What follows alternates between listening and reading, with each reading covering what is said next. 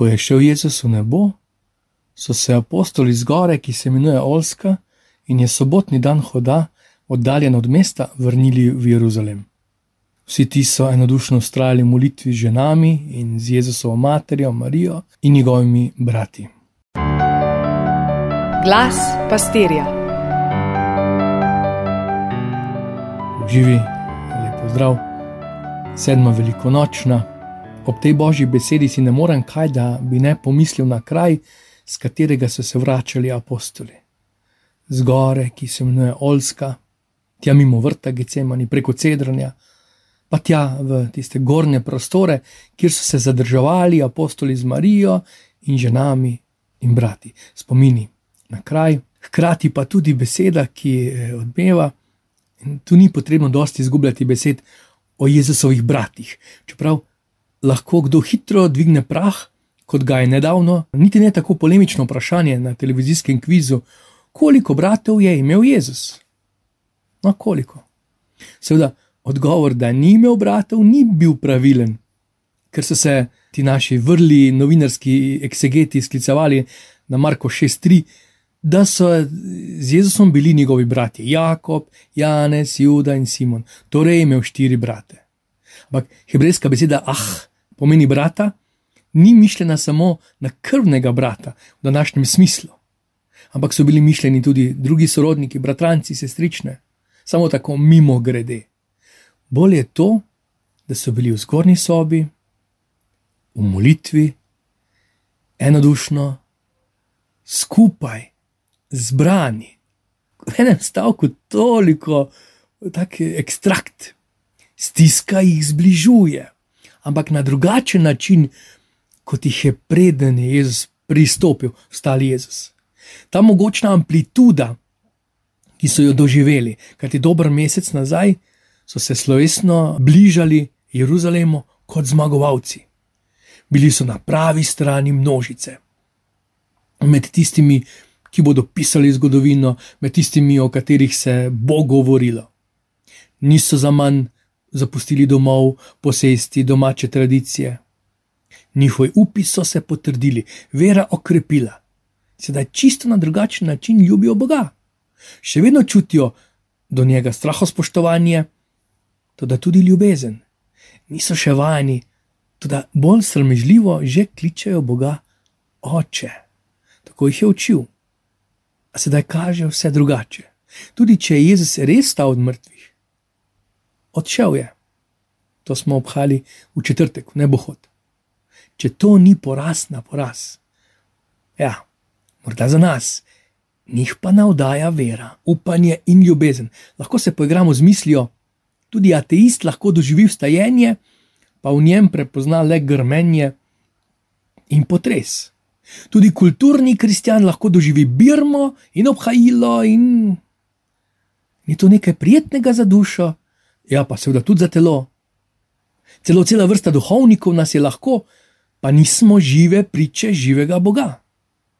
Se spominjam odlomka iz knjige Boku metrojo, res priporočam Boku metrojo, ko je brezdomec klošar, jaz smo pravi, mimil, srečal Boga tam na klopci. Po klepetu in ko sta skupaj pomalcala, je to želel deliti s prijatelji.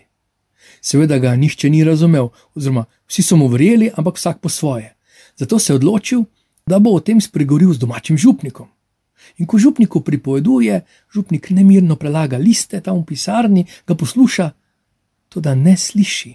Razočarano potem odide in razmišlja o tem župniku, verjetno še nikoli ni srečal Boga. In dalje, človek lahko mirno izmenja besedo in klobaso s tujcem, ki je Bog, ne more pa niti z župnikom podeliti svoje vere. Toda učenci so bili tokrat zbrani in ne samo v strahu pred ljudmi. Tega ne počnejo več iz razočaranja, iz nemoči, delajo iz moči ljubezni, z Marijo. Če so prej tri leta potrebovali, pa ne samo oni, da so stopili na pot z veliko pisano, toliko je trajalo Jezusovo javno delovanje, je bilo javno delovanje poveličenega Jezusa sedaj samo 40 dni in bilo je dovolj še malo in bo zgornja izba, dvorana zadnje večere, kjer se zbirajo v njegov spomin, prišla na vse konce sveta. Kdo bi si takrat upal upati, da bodo dejansko šli po vsem svetu? Kdo bi si takrat upal pomisliti, da bodo oznanjali tako rekoč v vseh jezikih sveta? Kdo bi računal na to, da bo sveto pismo prevedeno v toliko jezikov, največ jezikov v bistvu, da je bestseller vsako leto najbolj prodajena knjiga, da bo prišel čas, ko bo sveta Maša res vsakodnevno srečanje in njegov vsakodnevni spomin na vsakih toliko kilometrov. Da bo toliko crkva, da bo toliko kapel, da bo toliko kristijanov. Ja, da bodo vojne v njegovem imenu, da bodo nasilja zaradi vere, da bodo mnogi trpeli preganjanje zaradi njegovega imena, tudi da bodo zlorabe, da bo toliko navideznih kristijanov, da bo. Ja, kdo bi si mislil takrat?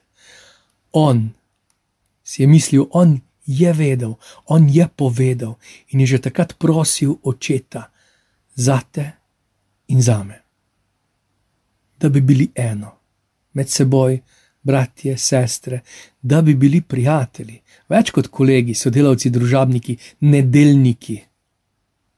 Če ti tvoje krščanstvo še ni preneslo prijateljstva, to ni krščanstvo.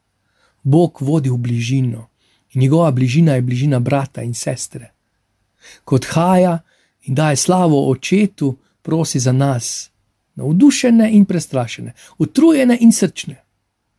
Ne da bi se zadovoljili z vero, ampak da bi imeli večno življenje, ki je v tem, da vsi spoznajo tebe, edinega in resničnega Boga.